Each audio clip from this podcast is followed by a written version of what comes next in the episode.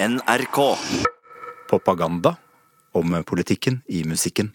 I dag om psyken.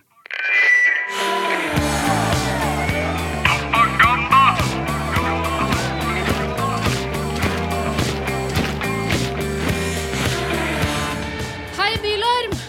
Har du sett? Vi har fått publikum.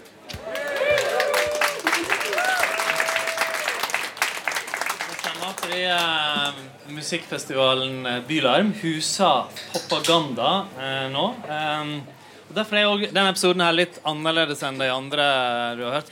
Eh, musikk og politikk det er altså det vi alltid babler om i propaganda. Vi har vært innom i løpet av serien kampen mot apartheid, kampen mot aids, borgerrettighetsbevegelsen, norske verdier i norsk musikk, klima, kvinnekamp, politi, ulv. Politikken er liksom overalt i musikken, også i mental helse. Ja, og eh, det er veldig politisk. Det Psykisk helse var veldig lenge det glemte helsespørsmålet. Kanskje vårt største folkehelsespørsmål som, som var utelatt. Men ikke hos ikke musikken. musikken. Nei, der har den i hvert fall ikke vært utelatt. Der har det vært eh, psykisk smerte alltid. Men hvis jeg lar deg velge først i dag, eh, Bård Vegard. eh, Ei låt som, som borer inn i den mentale helsa, som gjør at folk forstår hvorfor eh, propaganda eh, må ha en sånn episode. Eh, som kanskje til og med kan tolkes politisk på et eller annet vis. Ja, sånn, Da må vi til 60-tallet, der det virkelig var psykisk. Um, og vi skal til Brian Wilson, uh, Beach Boys, 'Good Vibrations' kom ut. Og når den kom ut, så ironisk nok, uh, så hadde han helt andre uh, vibrasjoner. Det var, Han lagde min, mitt favorittalbum som ikke kom ut. 'Smile'.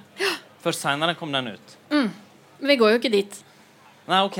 Uh, da går vi til Nei, vi går til rockens galeste mann. Vi må jo det. Vi må jo gå til Rocky Eriksen. Hæ? La oss gjøre det. Som Altså, bare blei verre og verre. Altså Hele 70-tallet så levde jo han omtrent på institusjon, og det kom masse bra låter ut av det. Om demoner og vampyrer og tohoda hunder. Vi må Oi. gå til Rocky Eriksen. Ja, og Vi skal høre et primalskrik av en rockelåt. Eh, Jeg husker ikke hvor jeg var når Oddvar Brå brakk staven. Men jeg husker hvor jeg var når jeg hørte den låta her Naustdal. første gang. Nei, Nei soverommet mitt i Oslo er kjedelig. Men anyway. Men, men det er en låt av den typen sånn, hvis, det, hvis det noen gang kommer noen fra en fremmed planet hit til jorda, Ja. og så spør sånn Bård Vegar hva er det der rock'n'roll-greiene Ja. som alle snakker om, da skal jeg bare se på, og så skal jeg si Alien, det her, det er rock'n'roll.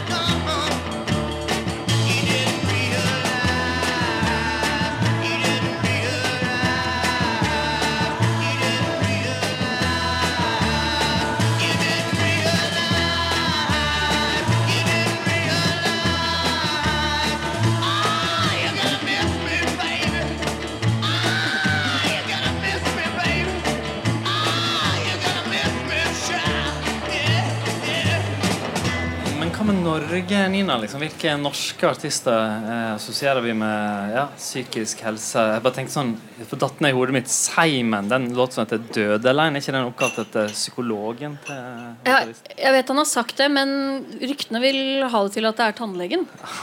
Tannlegepsykologen. Det er sant. Ja, jeg tenker at Mange av artistene vi spiller i dag, har jo et ganske sånn solid utvikla rusproblem ved siden av psykiske problemer. Og innimellom så kan man jo selvfølgelig lure på hva som er høna og egget der. Eh, Det er kanskje ikke så farlig. altså Det er sjukdom, det også, å være rusavhengig. Um, og så er det jo flere som, av de vi spiller i dag også, som har Mm. mista livet ikke sant, i kampen mot uh, sin egen mentale helse og mot rusen. da. Mm. Og noen ganger så romantiseres det veldig. Ja. Men når det skjer nær oss, eh, når det er en av våre egne, da er det plutselig ikke så innmari romantisk. Da er det bare umistelige mennesker som forsvinner ut av musikkindustrien. Ja, og vi har, sant, vi har sånne umistelige Jokke, Robert Burås, Thomas Hansen skal vi snakke om senere. Jeg chatta med Bjørn Eidsvåg denne uka. Ja, det gjør du stadig, her, egentlig. Ja, men han, for han visste at vi skulle gjøre dette her, og så skrev han at jeg tror ikke folk forstår hvor utrolig viktig psykiatri har vært i mitt virke. Han sier at eh, den erfaringa han har hatt som ansatt i psykiatrien, ligger som sånn grunnlag for hele musikkproduksjonen hans. Da. Eh, og det han lærte der. Men det som har skjedd det siste året, er jo at mange plutselig har snakka mer åpent om sine psykiske vanskeligheter. La oss høre litt grann på noen av dem. Little girl. Pick yourself up, don't blame the world. So you screwed up, but you're gonna be okay.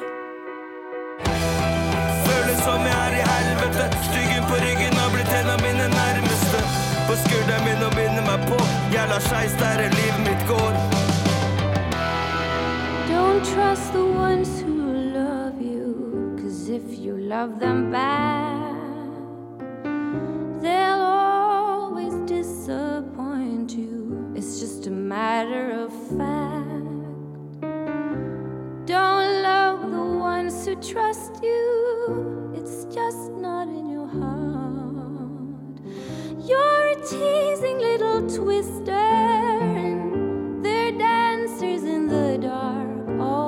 Det eneste hun skal se det, var en solskinnsdag.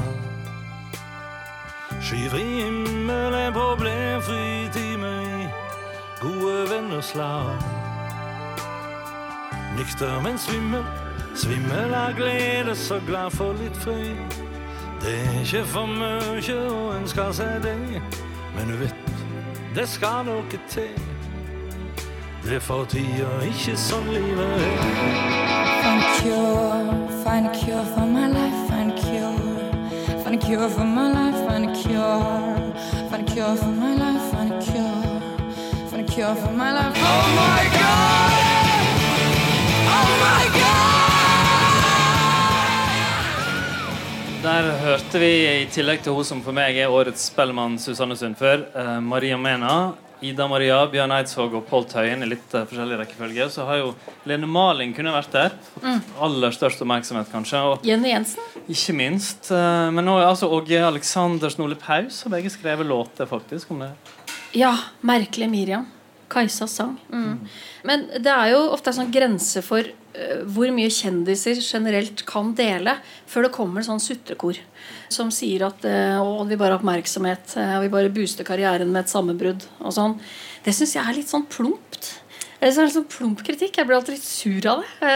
og tenker at er det ikke nok av drit som fyller offentligheten? Som gjør at, liksom, at noen deler med seg, kan være greit. da Kan også ha en, ha en plass der.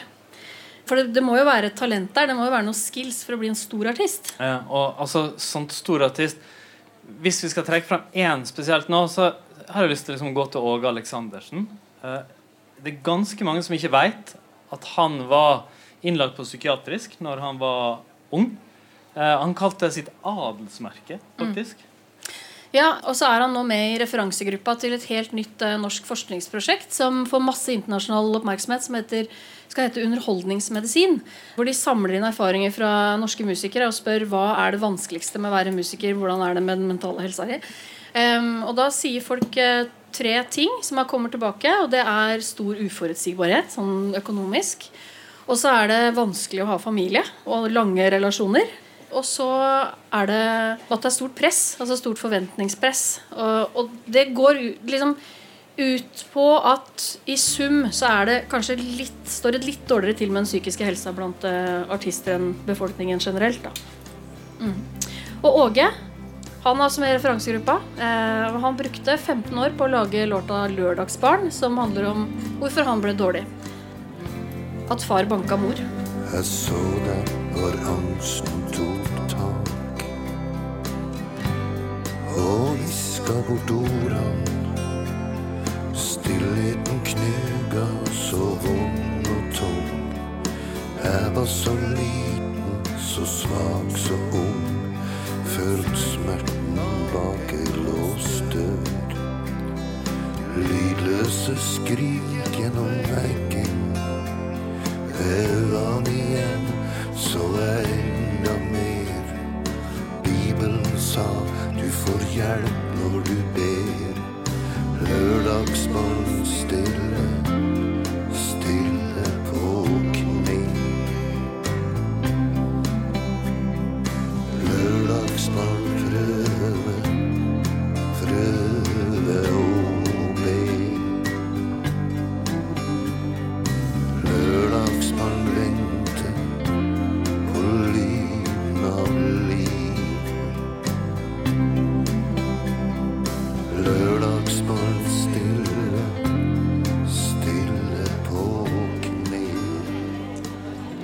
Åge Aleksandersen, altså, han har sagt at eh, er det noe man lærer av å bli eldre, så er det at alle er gærne.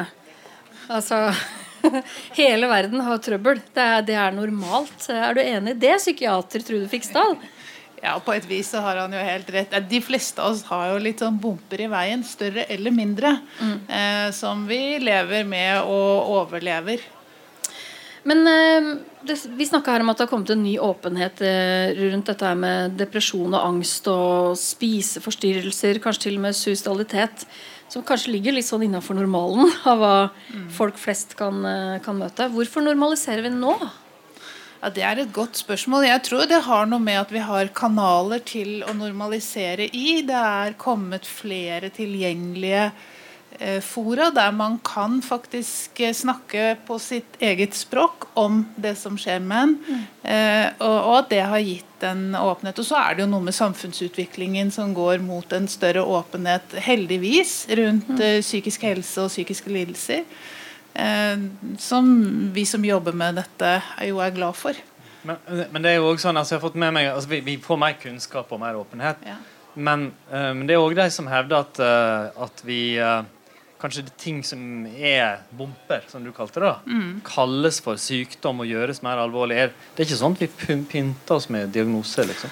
Altså Den faren er jo alltid til stede, og, og særlig i en verden hvor det blir stadig vanskeligere å synes fordi det er så, det er så mange måter å synes på gjennom eh, sosiale medier og sånn. Eh, og at eh, jeg, jeg tror ikke det er noen sånn kjempediger fare for det, men at det kan være sånn at eh, det å si at jeg ah, har også slitt med dette, eh, kan være med på å gjøre deg mer Eller at du tenker at det kan være med på å gjøre deg mer eh, synlig eller interessant. For mye av dette som en eh, artist jeg kjenner eh, som er trønder, pleier å si eh, 'skje meg, elsk meg'. Eh, og det er vel noe med den der eh, Hvordan skal man komme igjennom og bli sett og elsket?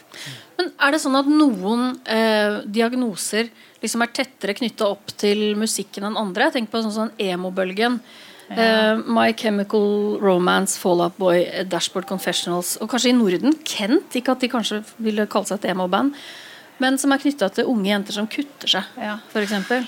Altså det er, det, man blir nødvendigvis ikke mer kreativ av å være syk. Det er jo den, eh, den eh, amerikanske forfatteren John Green som jo har skrevet nå nylig en nydelig bok om tvangslidelse. eh, Og har det selv. Han sier at min tvangslidelse har ingen superhero side effects. Det sier han. Jeg blir verken mer analytisk eller bedre detektiv eller hva som helst. Eh, og sånn at eh, Det er vel ikke sånn Men det er én sammenheng, og det er mellom bipolar lidelse og kreativitet. Man ser en eh, større opphopning av bipolar lidelse blant kunstnere enn i normalbefolkningen. Og så tenker jeg at det Kunst handler om å formidle følelser veldig mye. Det handler ikke så mye om å formidle fornuft. Sånn at da Det å, å være kunstner betyr at du må ha en kontakt med følelsene. Eh, og der igjen kan det være en sårbarhet for å kjenne også på de vanskelige følelsene. Da. Men det er det ikke noe vitenskapelig grunnlag for å si. Da. Nei, men du har litt erfaring. Ja, litt. Eh, Jeg tenker at man nesten ikke kan ha, være Eller ha vokst opp eller vært voksen på 90-tallet og ikke tenke på nirvana. Eh, når du skal koble musikk og eh, psykisk eh, trøbbel og rus. Eh, Kurt Cobain kom fra en familie full av eh, depresjon, sosialitet, To onkler tok eh, livet sitt. Han vokste opp med rus. Han eh, hadde en kronisk magesykdom som han drev og mm, selvmedisinerte. Først med marihuana og så etter hvert heroin, fordi det var mye smerter. Jeg syns liksom vi må spille litium. Vi spiller litium. Vi må det. I'm so happy Cause today found my friends are in my head. I'm so ugly, that's okay, cause so are you. Book on ears, Sunday morning is every day for all I care. And I'm not scared, light my candles in our days, cause I found God. Yeah!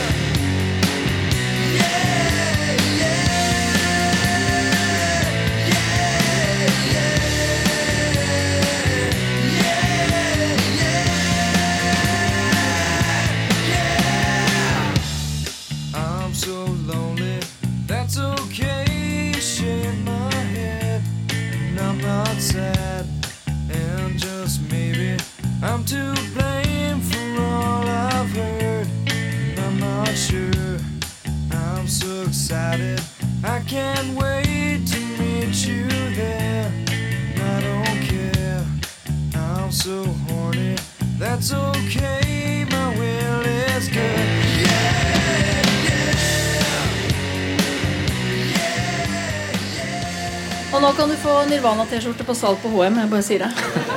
Mm. Vi kunne jo ha spilt Pink Floyd. Altså Det er mye vi kunne spilt eh, når, vi, når det handler om eh, selvplaging. The Final Cut kommer veldig høyt på sånne nerdelister over musikk som setter folk i stemning til å plage seg og skade seg sjøl.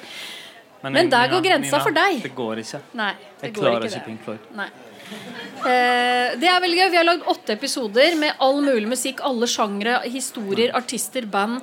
Eh, men her går grensa. Ja, og det er rart, for jeg, på en måte så skylder jeg Pink Floyd noe. Rett og slett. Fordi Hva skylder du dem? Pink Floyd fikk meg til å slutte å gå på nachspiel så mye som jeg gjorde en gang tidlig i 20-åra.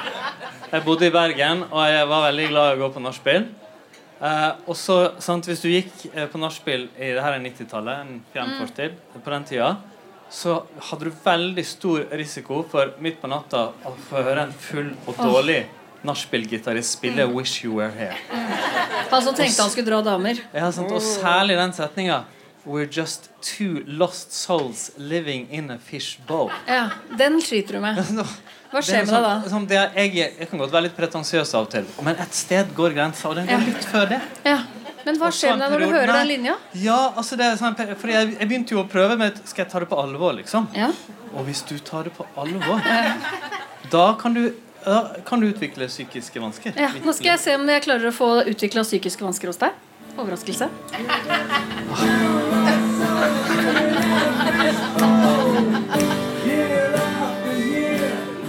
Det var bare det. Gjorde det vondt? Takk, du er en venn, Nina. Men du kan gjenkjenne kvalitet noen ganger selv om du ikke liker musikken. ikke sant? Du er enig i at eh, Pink Floyd med Syd Barrett eh, var bedre enn uten? Pink Floyd med Syd Barrett, første albumet, var bra. Kjempebra. Ja, se her. Se der. -hmm.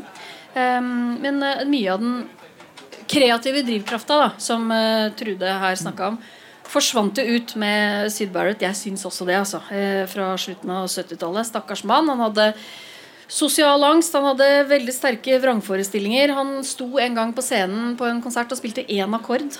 Eh, hele tiden Og så kom da David Gilmore liksom snikende inn bakveien og inn, liksom. skulle fylle rommet til Syd Barrett, som ikke Ja, virka og lenger. Og, og Syd Barrett altså, han var en veldig sterk kreativ kraft. Han har òg lagd flott musikk, men Mm. han fikk nok et bedre liv, tror jeg, når han trakk seg tilbake. igjen. Så han levde jo uh, i mange tiår etterpå, uh, tilbaketrukket til Cambridge med mora si. Med mamma. Uh, ja.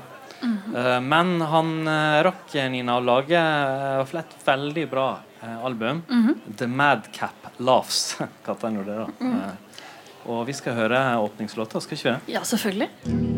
I really love you, and I mean you. The star above you, crystal blue. Well, oh, baby, my hair's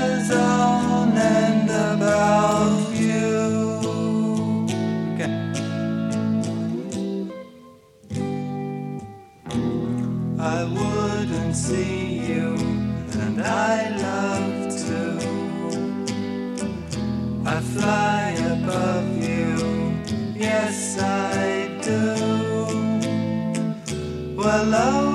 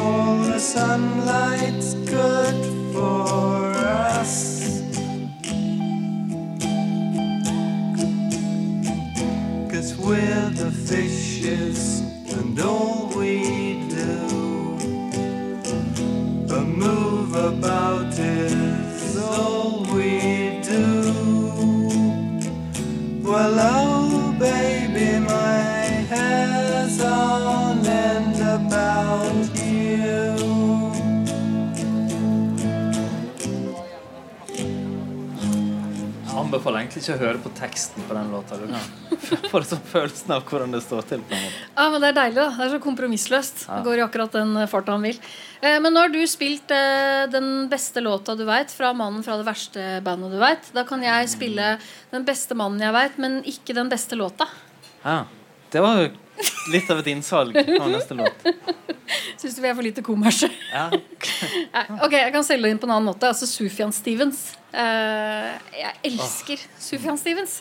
Eh, stor, respektert, applaudert amerikansk singer-songwriter som lager disse her vare, vakre, poetiske sangene som når man begynner å høre på teksten, tenker 'Å, fy flate, det var rått'. Eh, som er skarp, da. Presis i tekstene Og sine. han har har ikke han en ny låt ute i forbindelse med spillefilmen om Tonya Harding? Ja. Kunstløpen fra Lillehammer-OL. Fra helvete, trodde jeg du skulle Altså, si. han, Ja. ja. nei, nei. Ja. Han kaller hun sin uh, American Princess. Det var jo ikke sånn jeg husker henne helt fra Lillehammer-OL. Men han trykker Tony Harding til sitt hjerte, og Tony Harding hater for så vidt den sangen. Uh, men hun sier også at hun har ikke hørt den. Så, ja. Ja, eh, han går jo så langt inn i sin egen smerte at i ett album, The Age of Ads Det er sånn som splitter Sufjan Stevens-fansen i elsk og hat. Jeg er selvfølgelig på elsk-siden. Eh, og han sier sjøl om låtene på den plata at eh, han er hysterisk melodramatisk. Fordi han hadde det så fælt. Så han klarte ikke å være noe annet. Eh, og jeg syns at det er alle kunstneres rett at de skal få lov til å sprekke av pretensjoner. Carrie og Lowell Den handler jo òg om uh, mora hans, Carrie, hvis jeg ikke tar feil, Ja. og Stefan Lowell. For da hun døde, så ville Sufjan Stevens på en måte finne ut av forholdet til henne. Mm. Hun var uh, schizofren, rusavhengig, og forlot han i en videobutikk i Detroit da han var ganske liten, med ei pute under armen. Såpass. Og det er noen outtakes fra den eh, plata Carrie and Lovell, um, som ikke altså er med på plata, men som også som man kan finne. Blant annet en låt som heter 'Volova Monster', som handler om hvordan han prøver å jage monstrene når monstrene kommer til mor. Og han eh, på den plata der, den handler jo om hvordan skal du leve med et eh, gjenferd, liksom. Når hun da døde, så tenker jeg nå må jeg gå inn i dette, fordi at hennes kraft da er så sterk at han klarer ikke å være nær den uten å bli sjuk sjøl. Ja, nå, men nå må vi ha musikk. Du skulle jo ikke spille din egen favoritt, men en helt annen låt. Jeg skal ikke spille No Shade in the Shadow of the Cross. Skal ikke spille Death with Dignity. Skal spille folkets favoritt! Ja, bra. Yes! Nå er jeg kommers! Ja! Uh, The Only Thing. Lasta den noe sånn som 45 millioner ganger. eller noe sånt. Nydelig låt. Sies at det er en låt om å være suicidal. Jeg tenker det er en låt om å overleve og være psykisk dårlig. only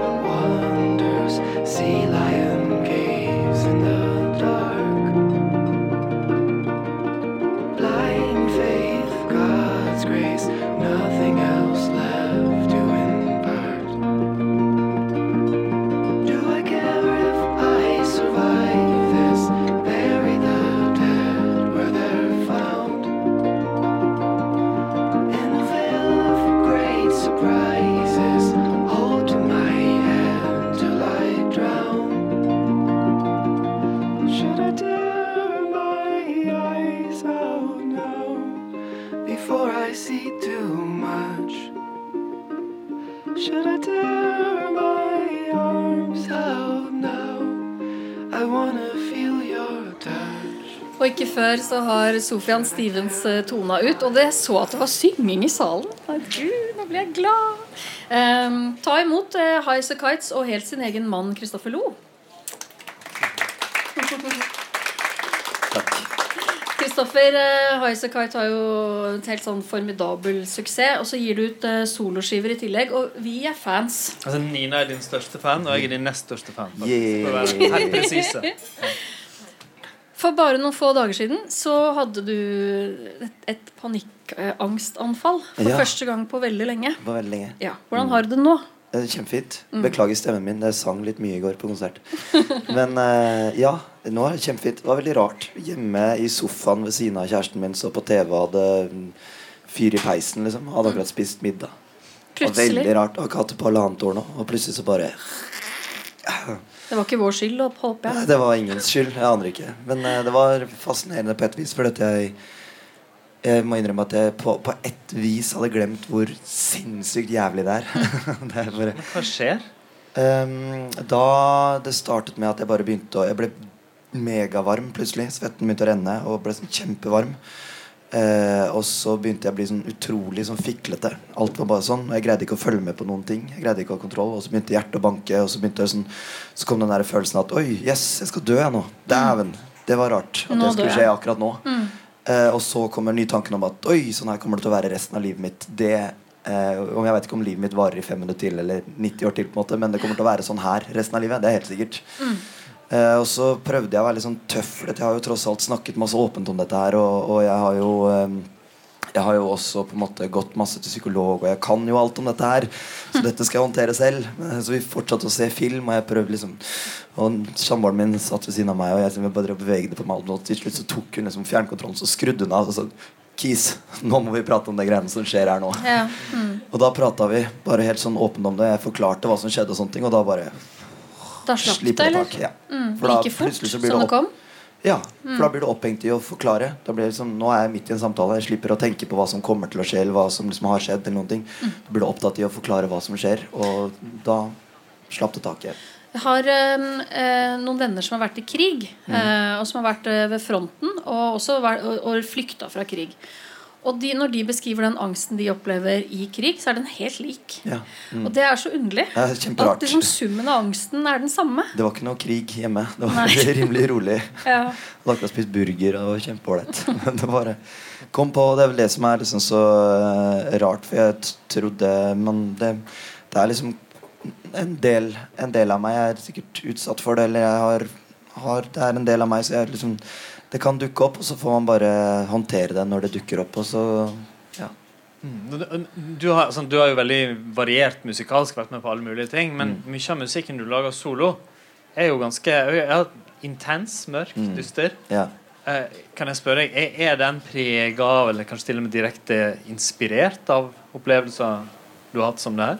Eh, ja, jeg har nok alltid vært emo-kid. Altså, jeg vokste opp med Manson og Nirvana og liksom det var stor, og, og Nine Inch Nails og folk som på en måte var self-loathing og skulle liksom spre det utover eh, verden. Og eh, jeg hadde startet tidlig med å få liksom sånn angstlignende ting. Og jeg veit at siden det begynte, så snudde på en måte eh, måten jeg skrev musikk på veldig mye. Sånn jeg, har, jeg liker å tenke på det sånn at når folk hører min musikk og sier at de syns det er fryktelig trist og mørkt, Mm. så er det som regel ting jeg ser på som veldig blidt og hyggelig. Eh, sånn at mitt sånn der trist og mørkt spekter er fryktelig lavt. Det, det er, hvis jeg skal skrive trist og mørk musikk, da er det så mørkt at det går ikke an. Da. Eh, og det tror jeg nok er litt preget av de tingene jeg selv har, eh, har opplevd med angstting. Hør litt, da. Vi hører litt nå.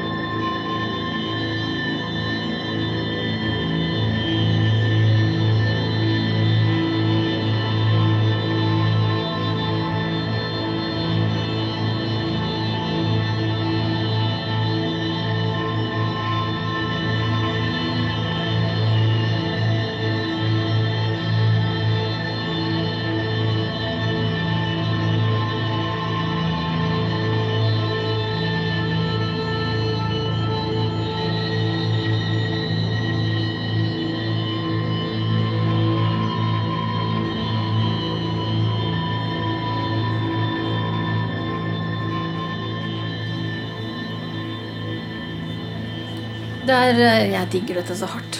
Jeg tenker at jeg må skyte inn at her har jeg jo et kraftig panikkangstavfall når jeg spiller inn det her Ja. i, eh, i Chicago. Mm. Da var jeg da bare, da var jeg det nesten Det er to spor på den plata her. Og det ene er dette her med masse gitarer, og andre er sånn blåsestrekk. Jeg husker at jeg skulle spille det blåsestrekket helt improvisert, men jeg greide nesten ikke å puste. Mm. Og det blir så vanskelig når man skal spille blåseinstrument. Det her høres ut som panikkangst. Ja, det, var, det var ganske sterkt. Men det er rart, for at det kan faktisk være litt beroligende å høre på også. Ja, Altså- det, For meg så er det det. For med en gang det her Med en gang jeg kommer meg forbi dette stadiet For det er jo sånn musikk som bygger seg opp. da Mhm. Med en gang jeg kommer meg forbi det stadiet, da er det en slags sånn frisone for meg. Mhm. Da, er det liksom, da er det så mye som skjer. Og da driter folk litt i meg. Da er det bare musikken som verker, og da er det sånn For meg er det landskaper og Gud, jeg ser så mye i musikken din. Ja. Eh, tusen takk for at du ville dele hos oss. Takk for at jeg fikk komme. Um, jeg bare satt og tenkte på dette at alle berøres jo litt sånn ulikt. Bård Vegard. Vi Mm. har jo unger. Og, det er sant, og det, de er helt forskjellige. De har helt ulike ting som treffer deg og berører deg. Ja. Du var emo-kid, Kristoffer. Eh, jeg har ei 14 år gammel jente. Eh, satt her, i dag, her om dagen i bil med henne og tre venninner på 14 år. Og så kom Sia på radioen med låta 'Breathe Me', og alle sang høyt. Og etterpå så snakka vi om det å lære seg å like seg sjøl. Og så tenkte jeg åh, sånn er det. Nå er det deres tur. Det her er så bra. Og uh, lykke til. og jeg er så glad for at uh, det er politisk, da. Og det, er, uh, det virker i alle generasjoner. Så her er litt sida.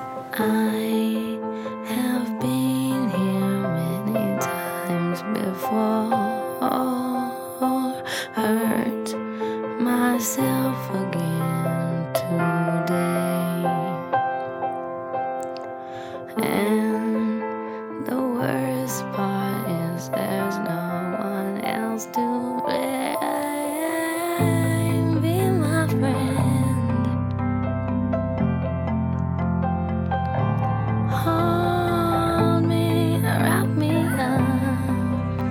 Up. så jeg går hjem hos eh, voksne og barn.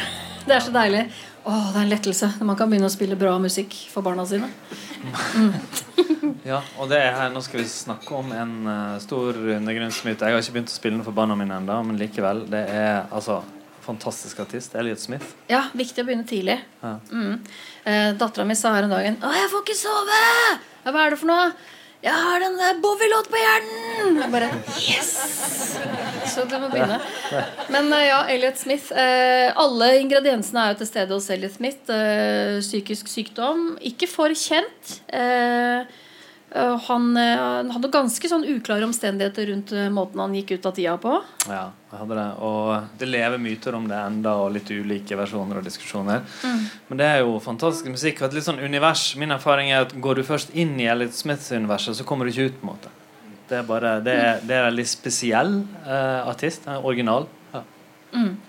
Og så er han eh, lite åpenbar i låtene sine. Det er ikke sånn at du med en gang forstår hva han vil, kanskje. I hvert fall ikke så ofte. Hvor store problemer han hadde. Ja, han for, forsøkte vel egentlig å tone det ned. Fordi altså, han ville ikke liksom etterlate et depressivt inntrykk av hva han var. Mm. Så faktisk er altså Det ligger jo under, men det er jo ganske mange låter der du liksom verken tekstlig eller musikalsk kan høre det helt sånn eh, tydelig. Mm. Han fungerte jo ganske godt òg når han først ble kjent utover 90-tallet. Ja, Men eh, hadde masse tvangstanker. Trodde han ble forfulgt av plateselskapet. Gikk lange omveier dit han skulle til, når han skulle til studio og sånn. Mm. Eh, og akkurat som mange andre vi snakker om i dag, så hadde han også et eh, veldig alvorlig rusproblem.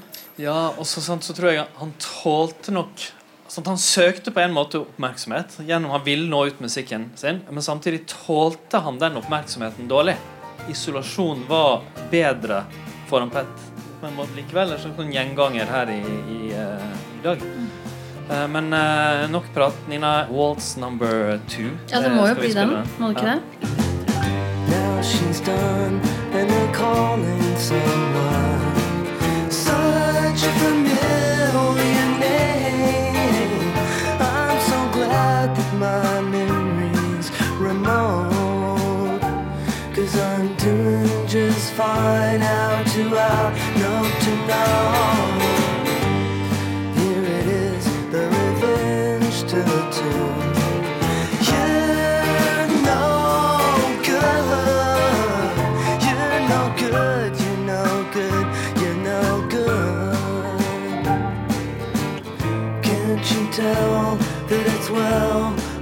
understood. I'm never gonna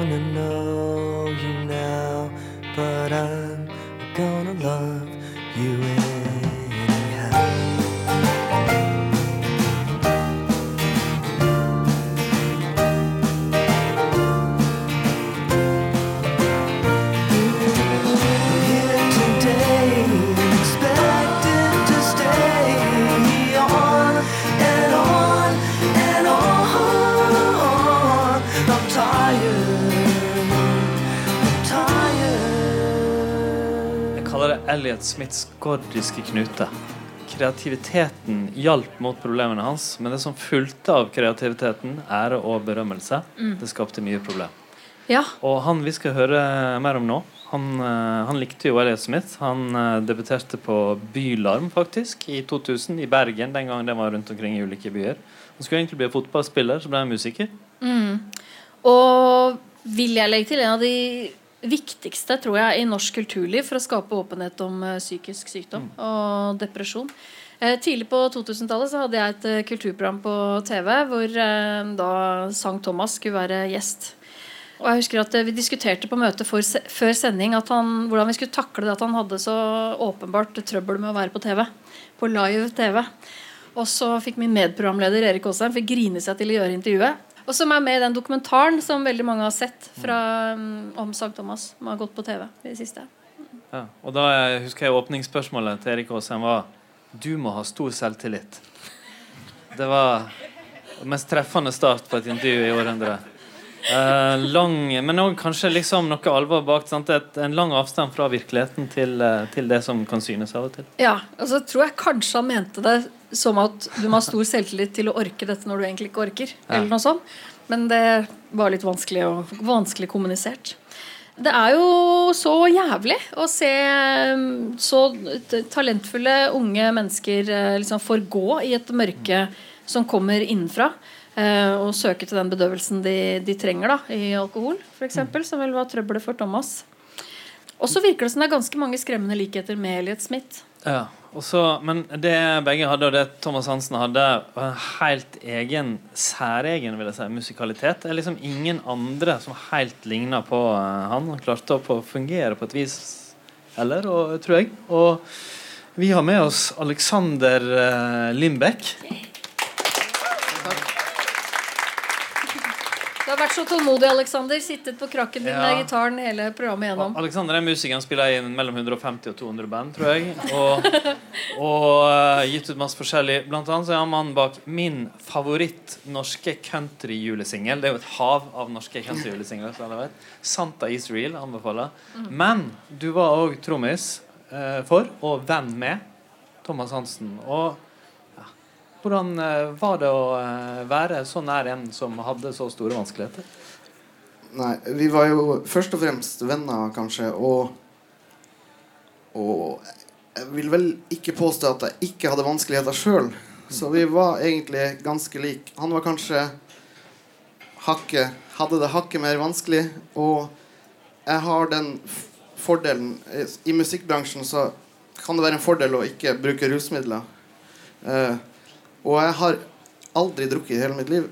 Eh, Kanskje pga. på grunn av en sånn innebygd eh, At jeg har visst at det er ikke noe lurt da, å drikke. Mm. Så vi hadde det utrolig kult, men også ganske vanskelig til tider. Men han var, du har fortalt meg før at han var, altså det var liksom, han var veldig sånn enten-eller. Ja.